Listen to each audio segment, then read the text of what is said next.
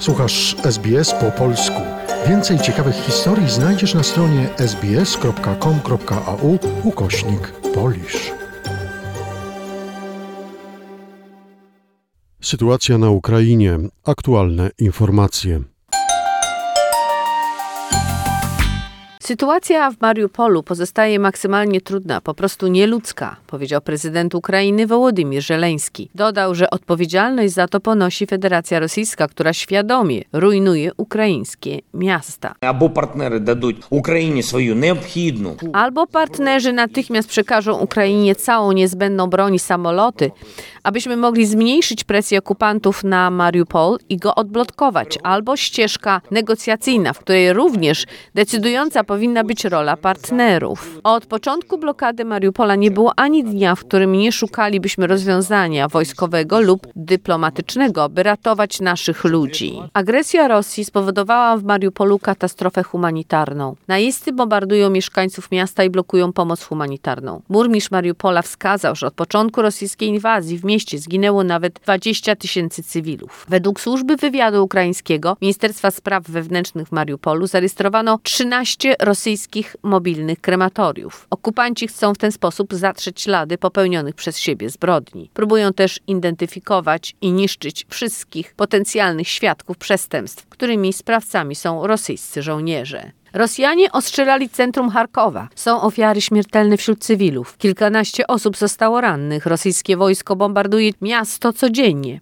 Codziennie też miejscowe władze informują o kolejnych ofiarach wśród mieszkańców. Do ataku na mieszkalne dzielnice doszło po południu. Według wstępnych informacji zginęło 5 osób, 13 odniosło rany. Rosyjski ostrzał był bardzo intensywny. Świadczą o tym m.in. publikowane przez mieszkańców Charkowa nagrania, na których słychać serię eksplozji i widać akcję ratunkową.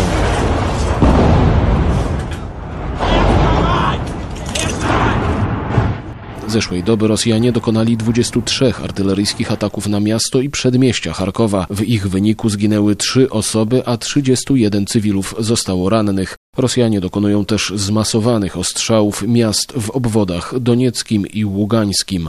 Paweł Buszko. Rosjanie porwali 16-letniego syna szefa zaporowskiej administracji państwowej Ołecha Burjaka. Do zdarzenia doszło podczas ewakuacji w punkcie kontrolnym Wasyliwce 8 kwietnia. O porwaniu syna poinformował Ołech Burjak. Mało syna wykryli. Mój syn został porwany. Rosjanie porwali go na punkcie kontrolnym w Wasyliwce. Ma dopiero 16 lat. Gdzie jest teraz mój syn? Nie wiem. Apeluję do wspólnoty europejskiej, apeluję do całej ludzkości. Pomóżcie mi, proszę. I cały świat wie, że tu na Ukrainie Rosjanie porywają dzieci. Pomóżcie mojemu dziecku jak najszybciej wrócić do domu. Jeśli wiele osób zażąda uwolnienia mojego syna, mojego włada, w tym samym czasie to się tak stanie. Mogą włada to це обов'язково станеться.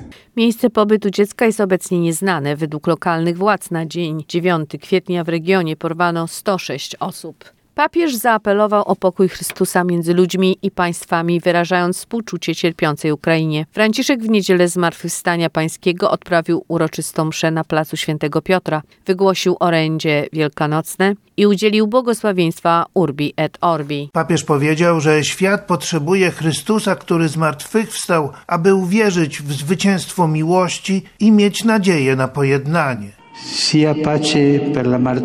Niech nastanie pokój dla udręczonej Ukrainy, tak ciężko doświadczonej przemocą i zniszczeniami okrutnej, bezsensownie rozpętanej wojny. Franciszek zapewnił, że nosi w sercu wszystkie ukraińskie ofiary wojny, zgładzonych, osierocone dzieci, miliony uchodźców i miasta zrównane z ziemią. Powiedział, że pośród bólu wojny pojawiają się znaki otuchy, otwarte drzwi dla ukraińskich uchodźców w całej Europie. Materiał opracowano na podstawie doniesień Newsroomu SBS oraz informacyjnej agencji radiowej. Zainteresowało Cię? Chcesz usłyszeć więcej? Słuchaj nas na podcastach dostępnych w Apple Podcast, Google Podcast czy Spotify lub w jakimkolwiek innym, który używasz.